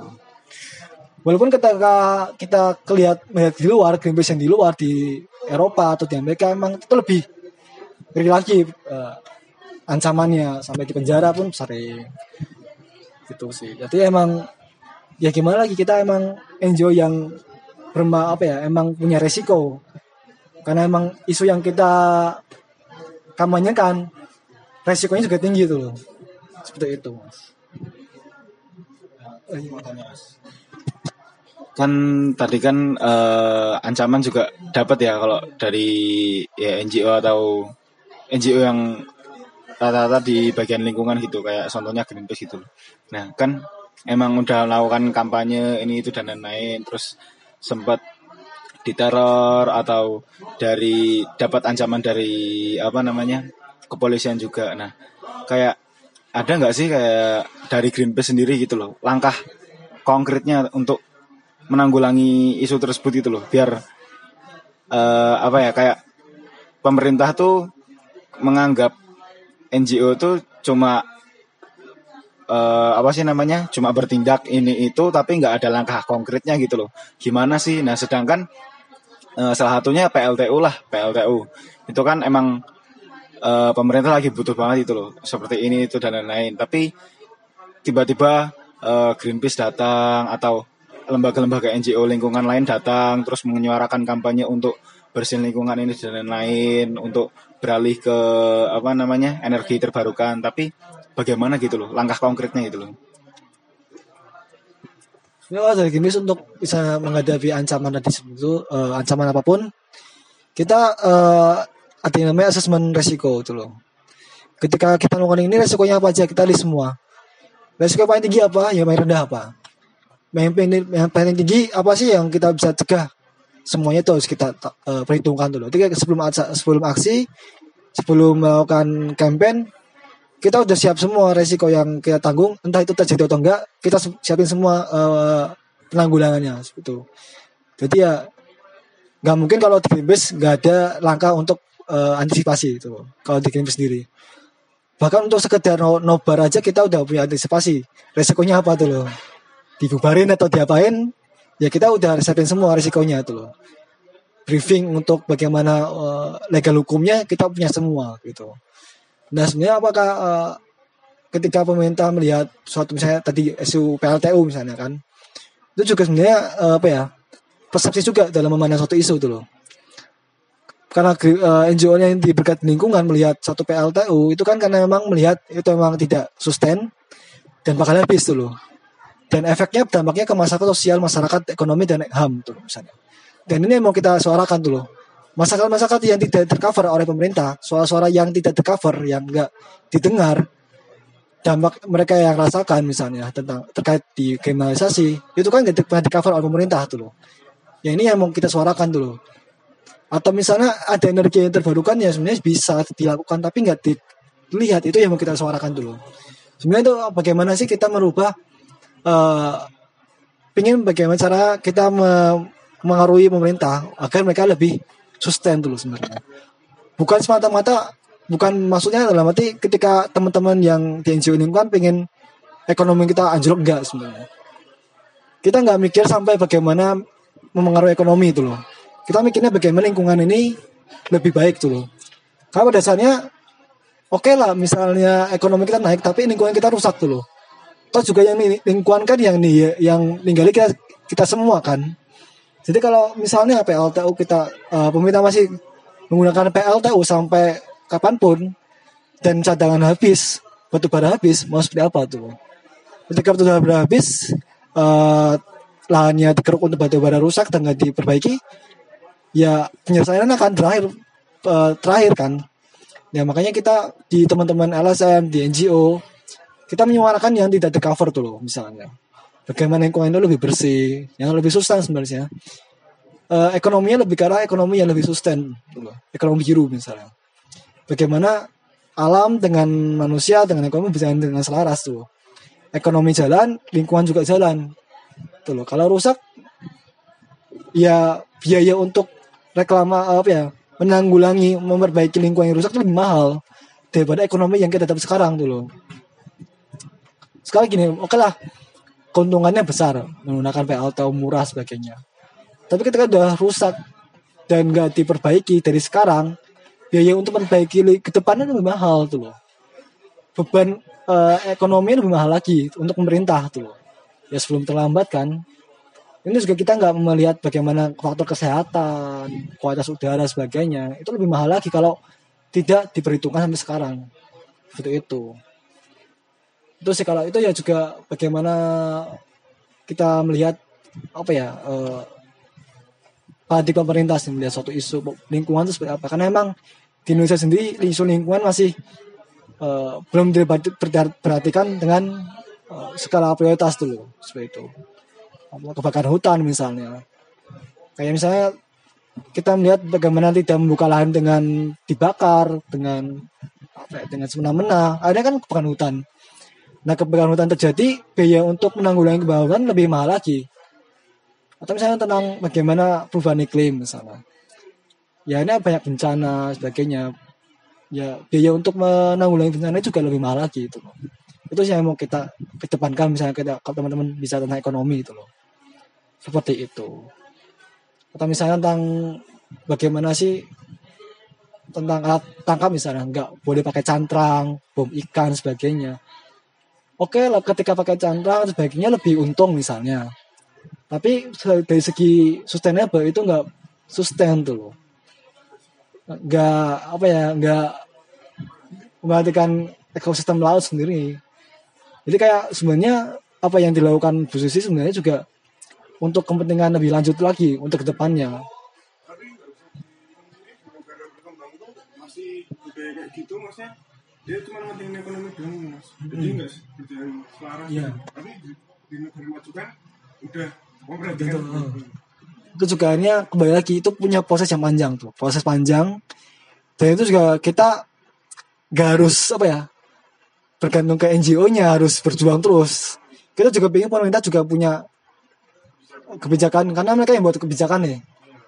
mereka harus berubah juga pandangannya. Kalau mereka berubah pandangannya, kebijakannya pun berubah juga gitu loh. Mereka mau sustain ya harus berubah juga dari dalam juga. Advokasinya lebih panjang juga itu loh. Dan itu ya di negara berkembang memang cukup lama. Ya kalau untungnya ya ada teman-teman di sini, teman-teman yang masih kuliah, ketika lulus ya harusnya memang ketika sa- sadar itu harus lebih untuk melakukan kegiatan, untuk perubahan seperti itu. Harapannya seperti itu. Tuh. Ya, tadi kan ketika kita berbicara mengenai NGO ya, artinya di situ NGO itu uh, suatu pergerakan dan di situ ber- berbasis massa gitu ya. Nah, uh, mungkin nggak sih NGO ya seperti kayak Greenpeace itu menjadi suatu tempat untuk apa politik gitu loh, dipolitisasi itu mungkin atau mungkin di ya ya di politik alternatif. Itu kan kita ibaratnya kayak uh, berbasis massa udah massa. Di situ ada susupan politik atau mungkin di Greenpeace sendiri ada suatu aturan-aturan tersendiri agar tidak sampai ke situ gitu. Politik itu kan luas nih, politik nih.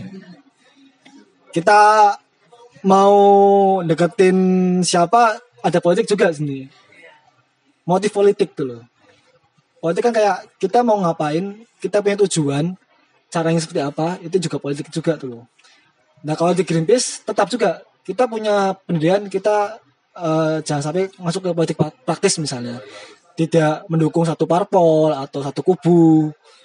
Ya kalau misalnya kita ada satu politisi yang ada kementerian itu bagus ya kita dukung. Tapi kalau misalnya dia salah ya kita kasih tahu yang salah itu, gitu loh. Kayak misalnya bagaimana kita dengan KLHK ketika bagus ya bagus. Tapi kalau ketika kita eh, punya campaign eh, one map policy-nya dibuka dan bisa lebih detail dan mereka nggak mau ya kita suarakan harus dibuka tuh loh. Jadi emang ya itu makanya kita tidak menerima uang dari pemerintah atau perusahaan ya itu untuk menjaga independensi kita. Itu juga masuk ke masalah independensi itu loh. Ketika ada NGO yang menerima uang dari pemerintah atau dari perusahaan, ketika mereka mau protes ke pemerintah, ya mereka mikir dulu loh. Mereka dapat uang dari mana dulu kan? Dari pemerintah. Tapi mereka mau protes ke pemerintah, susah makanya. Nah itu akhirnya eh, jadi kendala juga independensi NGO tuh loh. Walaupun sebenarnya ketika tergantung isunya juga sih mas ini isunya apa. Kalau lingkungan memang agak seksi ya, agak high politis banget tuh loh. Mencakup banyak politis dan sebagainya. Nah kalau kita aku melihat di masalah ke isu perempuan misalnya, bagaimana NGO lingkungan pun memainkan peran juga bagaimana meningkatkan partisipasi perempuan di politik di parlemen misalnya. Ke itu eh, suara mereka biar lebih terdengar. Itu juga satu politik juga. Caranya bagaimana? Ya caranya dengan cara NGO eh, di lingkungan eh, di perempuan ini isu gender mentraining eh, teman-teman yang di perempuan yang di parlemen misalnya. Exchange dengan parlemen yang lain atau mereka bikin training perempuan lebih capable untuk di parlemen misalnya. Biar mereka untuk masuk ke pemerintahan lebih bagus misalnya gitu. Atau partisipasi perempuan untuk masuk ke pemilu lebih tinggi misalnya. Karena kan standarnya 30% kan. Walaupun sebenarnya kadang ada yang sampai cuma 21% kadang nggak sampai 10% ya itu juga tergantung agendanya apa. Meningkatkan perempuan di parlemen juga politik juga. Tergantung isunya sih akhirnya ya kalau itu sih mas gitu. Ya jangan sampai eh ini sih masuk ke politik partis tuh loh. Jangan sampai masuk politik praktis dalam artian untuk mencari kekuasaan gitu. Ah, mencari kekuasaan atau mencari dana atau apa pun. Jangan sampai sih. Itu batasannya di NGO tuh. tapi kalau untuk politik kan bagaimana mempengaruhi pemerintah mempengaruhi masyarakat juga politik juga tuh loh. Ini politik juga artinya. Eh, ini kan kayak lembaga NGO lingkungan atau ya salah satunya Greenpeace gitu. Eh, pernah nggak sih kayak satu pemikiran dengan pemerintah, semisal nih mas, semisal salah satunya ternyata oh iya PLTU ini ternyata bener ya, ternyata memang perlu dibangun ini dan itu, tapi yang ha- harus diperhatikan dari pembangunan PLTU tersebut adalah eh, bagaimana eh, lingkup PLTU-nya, terus penempatan ini itu dan lain-lain, terus bagaimana pengawasannya gitu loh. Pernah nggak sih mas tentang eh ya itu setuju satu frame gitulah tentang salah satunya tentang pembangunan PLTU gitu. Kalau satu frame eh, bayangkan sa- untuk tahun ini untuk beberapa tahun ini memang pas di soal isu laut dengan Kementerian eh, KKP Bu, Bu, Bu Susi. Tapi kalau untuk PLTU kita tetap 100% tolak PLTU. Core eh, campaign kita untuk masalah energi kita bakal nolak batu bara, nolak PLTU. Mau PLTU mau pakai green coal tetap kita tolak tuh. Karena emang adanya green coal, green PLTU semuanya mau filternya di itu tetap dampaknya pasti ada. Dan memang kita tidak akan setuju dengan PLTU. Untuk soal isu energi ya tetap soal eh, solusi kita energi terbarukan dulu. Kalau soal PLTU makanya bilangnya di Batang itu akan ada sharing eh, filternya lebih hijau, lebih bagus lagi, tetap aja dampaknya masih ada tuh loh. walaupun pengawasannya benar-benar udah berjalan dengan baik gitu loh, mas pengawasan tentang pembuangan limbahnya ternyata oh ternyata pembuangan limbahnya ini udah sesuai standar gitu loh standar eh, apa lingkungan ini dan lain-lain gitu. Tetap kita nggak akan dukung gitu. Karena emang PLTU kan bahannya batu bara. Batu bara itu emang udah nggak terbarukan dan rusak tuh loh. Dampaknya juga banyak tuh loh. Dari hulunya aja penambangannya itu udah merusak juga. Hi- Sampai hilir itu juga udah rusak juga. Mau pengawasan apa pun tetap kita nggak akan setuju tuh loh. Dan sampai sekarang tidak ada sih yang pengawasan yang baik ataupun limbahnya tuh loh. Dari PLTU yang sudah berdiri di Cirebon, Cilacap, Jepara, Paiton semuanya emang dampaknya apa? ya? Karena dekat dengan pantai semua kan. Dan itu punya implikasi dampak ke biota laut. Di Batang aja ya gini, PLTU sebelum dibangun udah, udah, udah bikin kontroversi. Ya. Di Batang itu sebenarnya kawasan yang akan dibangun di PLTU itu itu, itu adalah kawasan konservasi laut Batang. Jadi emang ada kawasan konservasi Batang dan PLTU itu di tengah-tengahnya masuk dalam kawasan konservasi. Tapi sama pemerintah kawasan konservasi digeser. Jadi menggeser kawasan konservasi biar nggak kena PLTU kawan. Bukan PLTU yang digeser, tapi kawasan konservasi digeser, diubah. mereka hanya berpikir bahwa yang digeser aja nah, geser aja. namanya Nah, enggak. Nah, enggak. Yang penting digeser dulu. Seakan-akan kawasan konservasi masih ada tuh loh. Silakan dicek aja ada kok. Kawasan konservasi Batang setelah ada PLTU kok berubah. Greenpeace punya laporannya, kita punya laporannya. Dan udah dibangun sekarang. Ya efeknya nanti itu biota lautnya, perikanannya udah rusak loh. Jepara aja yang dulu emang banyak ikannya ketika ada PLTU panen Jepara pada larinya ke Batang buat cari ikan dulu. Dan sekarang ketika PLTU dibangun nelayan di situ untuk mencari ikan itu lebih jauh lagi berapa kilometer lagi. Kan nggak mungkin mau cari ikan dekat PLTU karena mengganggu lalu lintas PLT eh, tongkang limbahnya nggak ada ikan di situ. Ya, harus cari lagi lebih jauh lagi berapa kilometer, ratus kilometer di dari daratan atau mereka cari ke mana gitu loh. Jadi emang eh, kalau mau bilang limbah eh, bakal diawasi tetap aja itu kita nggak akan kita akan tolak karena memang prosesnya juga merusak dulu tegas kita karena itu bukan solusi yang ke depan sih sustain tuh lah. kalau habis gimana ya? Kalau misalnya mau bilang ya ini untuk batu bara ini kan eh, salah satu eks- apa ya sumber ekonomi kita. Lah kalau habis gimana tuh? Akan habis. Nanti dampaknya juga besar ke masyarakat mas. Maksudnya listrik tuh terus menyikapi kayak gitunya gimana? Kalau kita punya roadmap kayak PLTU yang umurnya udah lama, udah tua, tutup aja. Di Palu misalnya. Atau di mana pun lah yang umurnya 10 tahun ke atas, tutup aja. Enggak. Dalam arti gini, kan ada PLTU yang umurnya masih masih baru masih muda, yang tahu tutup dulu, selagi yang tua tutup, pemerintah coba investasikan atau bangun yang namanya energi terbarukan yang muda tetap aja oke lah. Eh, yang muda ini tetap dulu. Kita nggak mau idealis banget, realistis lah. Udah dibangun ya masalahnya. Ketika udah siap pemerintah untuk energi terbarukan, ya yang muda ini bakal eh, sahabat ditutup tutup semua gitu. sampai tua dulu Heeh. Jadi gini loh, kalau misalnya pemerintah ya itu juga kembali lagi pemerintah tuh mau enggak ya sebenarnya tuh. tapi sekarang ada usahanya pemerintah buat bangun energi terbarukan apa Ya beberapa ada sih kayak di Sulawesi kemarin kan yang energi angin kan ada.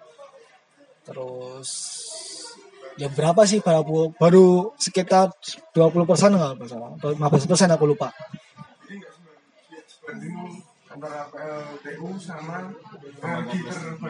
Heeh, nggak sebanding. Nah, tergantung. Ya pemerintah tuh mau nunggu batu bara habis dulu baru bikin yang baru. Tapi kan jauh lama juga. Kalau misalnya alasan energi terbarukan itu mahal, ya menurut aku nggak juga. Dulu iya mahal. Tapi sekarang trennya di seluruh dunia di ASEAN itu udah mulai ke sana semua. Dan harga masih bisa tersaingi. Bersaing dulu dengan PLTU.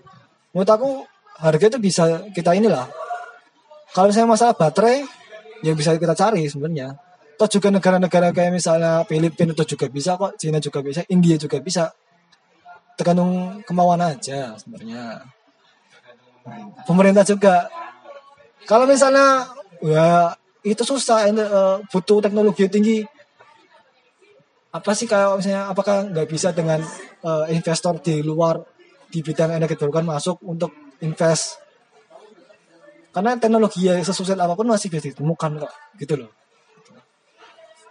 Uang lulusan kita kan yang bidang teknik itu kan banyak banget kan. Kita punya yang terbaik lah semuanya nggak mau digunakan gitu nggak mau invest di situ orang bikin pembangunan aja bisa semua kok. Masa yang energi nggak bisa sih? Gitu. Kemauan aja gitu. Gitu sih mas. Jadi yang bermasalah itu sebenarnya bukan lingkungannya, malah pemerintah. ya itu sih. Kemauannya tuh political will sebenarnya.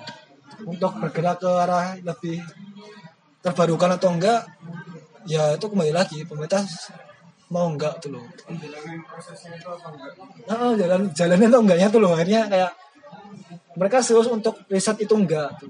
mencari investor di situ atau enggak tuh. membuka investor masuk itu bisa enggak atau bagaimana bank itu bisa bikin kredit ke energi panel surya buat masyarakat eh, secara mandiri untuk membangun panel surya di rumah masing-masing gitu.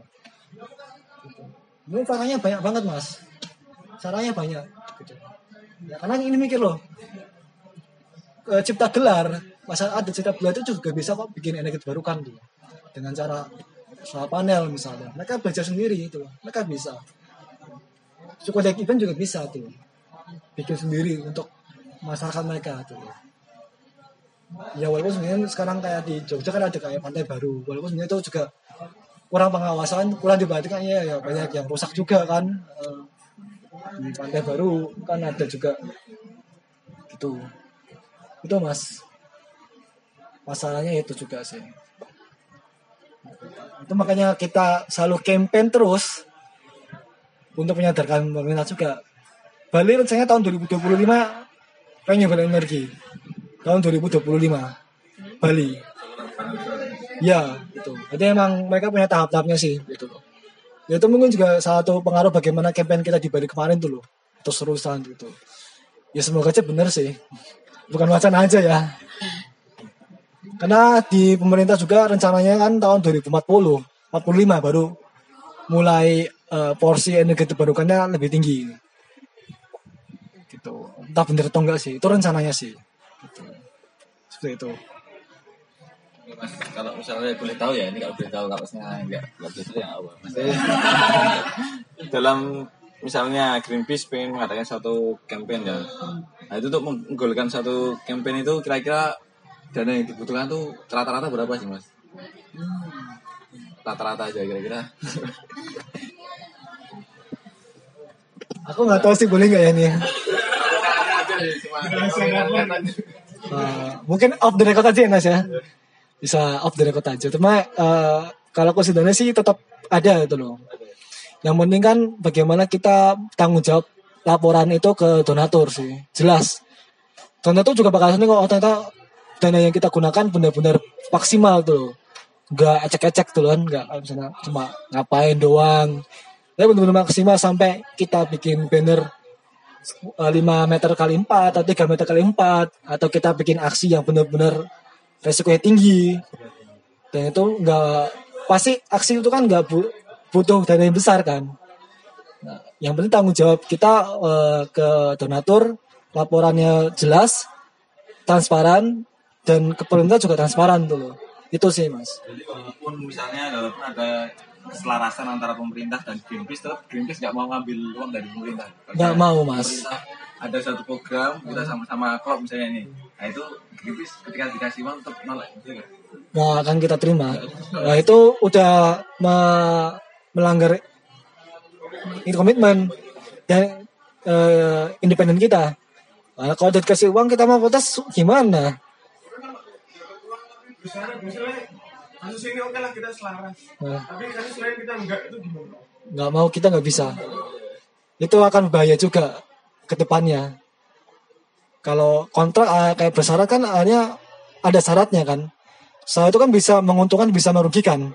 Satu sisi untung dapat duit banyak merugikan apa? Kita nggak bisa eh, bergerak, kita nggak bisa independen.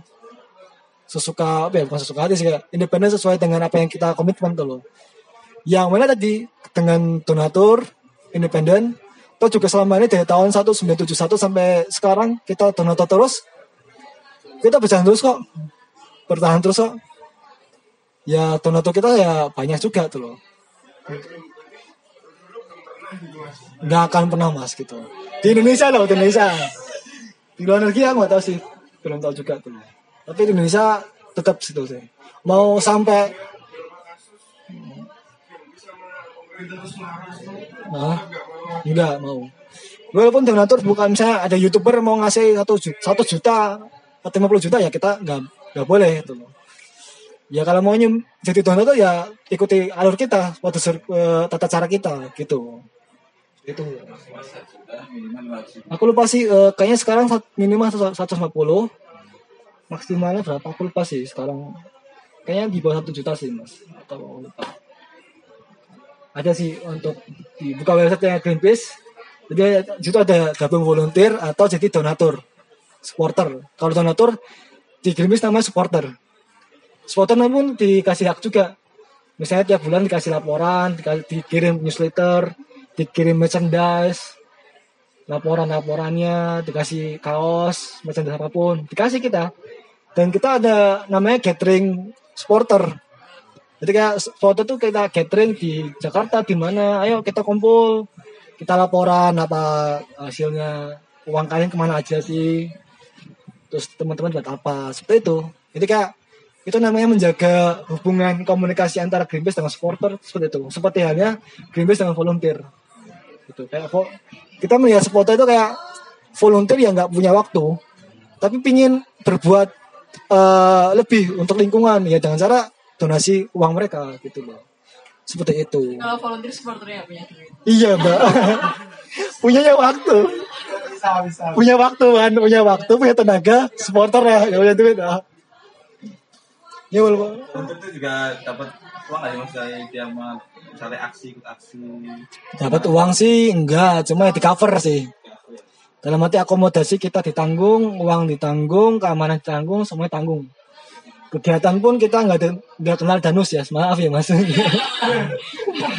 cover semua kegiatan dulu sama kegiatannya jelas dulu apa terus konsepnya apa ya kita cover sih semuanya karena itu salah satu cara memuliakan volunteer tuh udah kerja memuliakannya dengan itu di cover untuk akomodasi gitu. Manusiawi gitu. Itu. Yang ada lagi?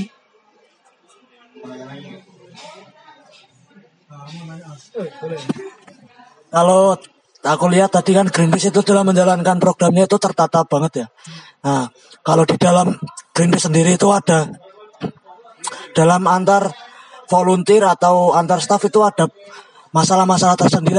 Misal berbeda pendapat, ya masalah internal ketika dalam menanggapi isu. Misal salah satu orang itu beranggapan ini bagaimana, satu lagi beranggapan ini bagaimana gitu. Dan cara menanggapinya itu gimana?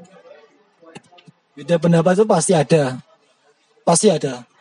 Kalau di volunteer sendiri emang selalu ada masalah kayak misalnya manajemen volunteer, manajemen eh, volunteernya hilang-hilangan.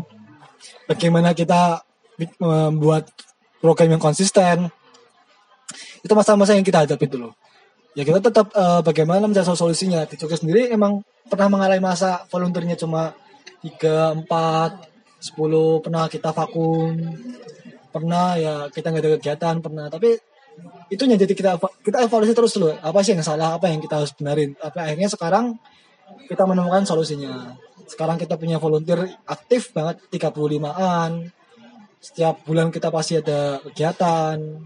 Ya kita setiap bulan evaluasi terus apa yang kurang apa yang kurang apa yang kurang. Dan solusi ini pun kita tawarkan ke daerah lain ini aku punya solusi daerah lain bisa eh, adopsi masalah eh, solusinya. Karena tiap daerah kan punya masalah sendiri punya problem yang dihadapin dan tergantung konteksnya seperti apa tuh beda-beda makanya. Dan masalah perbedaan pendapat itu pasti ada lah. Apalagi kalau masalah lingkungan kan eh, pandangannya beda-beda nih. Ketika ada yang seperti itu ya kita hargai pendapat orang loh. Kalau mau bilang A dia bilang C nggak apa-apa itu pandangan pribadi. Tapi Greenpeace tidak akan mempengaruhi kamu harus A harus B. Enggak. Walaupun sebenarnya Greenpeace punya pandangan tetap secara dalam ini pandangan ofisial misalnya dalam melihat satu isu Greenpeace punya sikap sendiri. Sikap resminya seperti ini. Volunteer walaupun beda dengan Greenpeace gak apa-apa. Silahkan itu hak volunteer tuh. Dalam menanggapi isu. Tapi kita tidak akan mempengaruhi volunteer harus memaksa enggak. Karena mereka volunteer. Ketika volunteer itu masih bersedia dengan Greenpeace jadi volunteer Greenpeace ya silakan. Ayo. Tapi volunteer itu tidak merasa apa ya pandangannya beda mereka volunteer ini ingin lepas dari Greenpeace ya silakan. Kita nggak akan memaksakan dulu. Ketika ada diskusi misalnya di grup WhatsApp wah beda pendapat rame nih. Ya, kita berusaha tetap untuk eh, profesional tuh loh. Ya silakan ber, ber- berbeda pendapat silakan debat dulu. Tapi jangan sampai kalau di Jogja sih sebenarnya kalau udah beda pendapat debat kita langsung bilang yang debat eh, jangan di WhatsApp dong. Ketemu aja diskusi langsung gitu. Karena kalau di WhatsApp kan kadang tidak apa ya miskom tuh loh.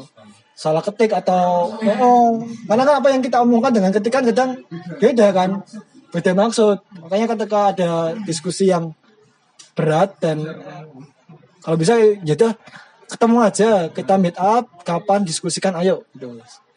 Walaupun ketika diskusi teman-teman punya beda pendapat silakan. Tapi yang penting hargai pendapat orang tuh makanya kalau ada yang kayak gitu yang debat di grup WhatsApp kita langsung cut kita PM orang yang debat te- tersebut langsung kita alihkan untuk bercanda untuk di grup WhatsApp langsung bercanda aja lah langsung.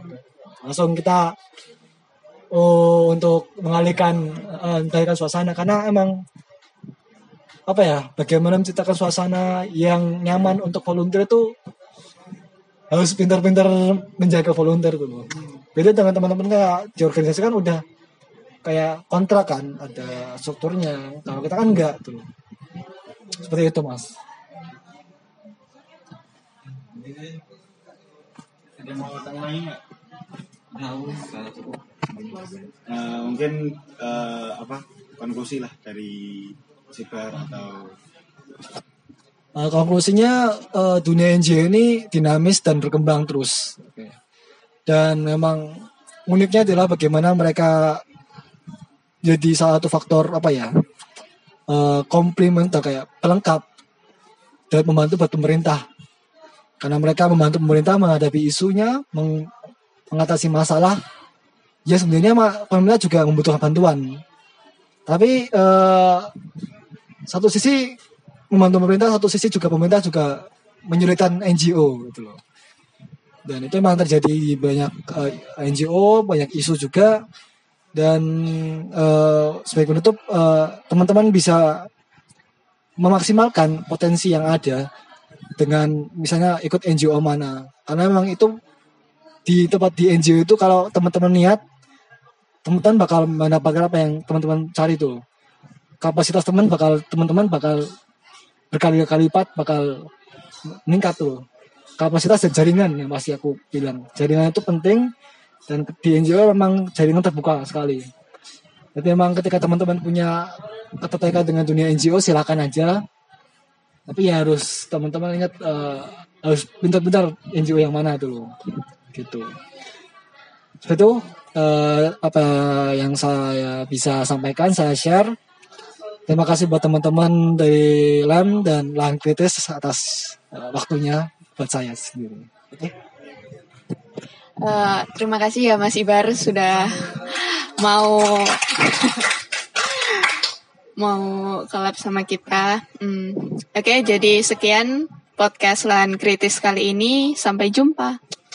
Berbagi waktu dengan alam Kau akan tahu dirimu yang sebenarnya.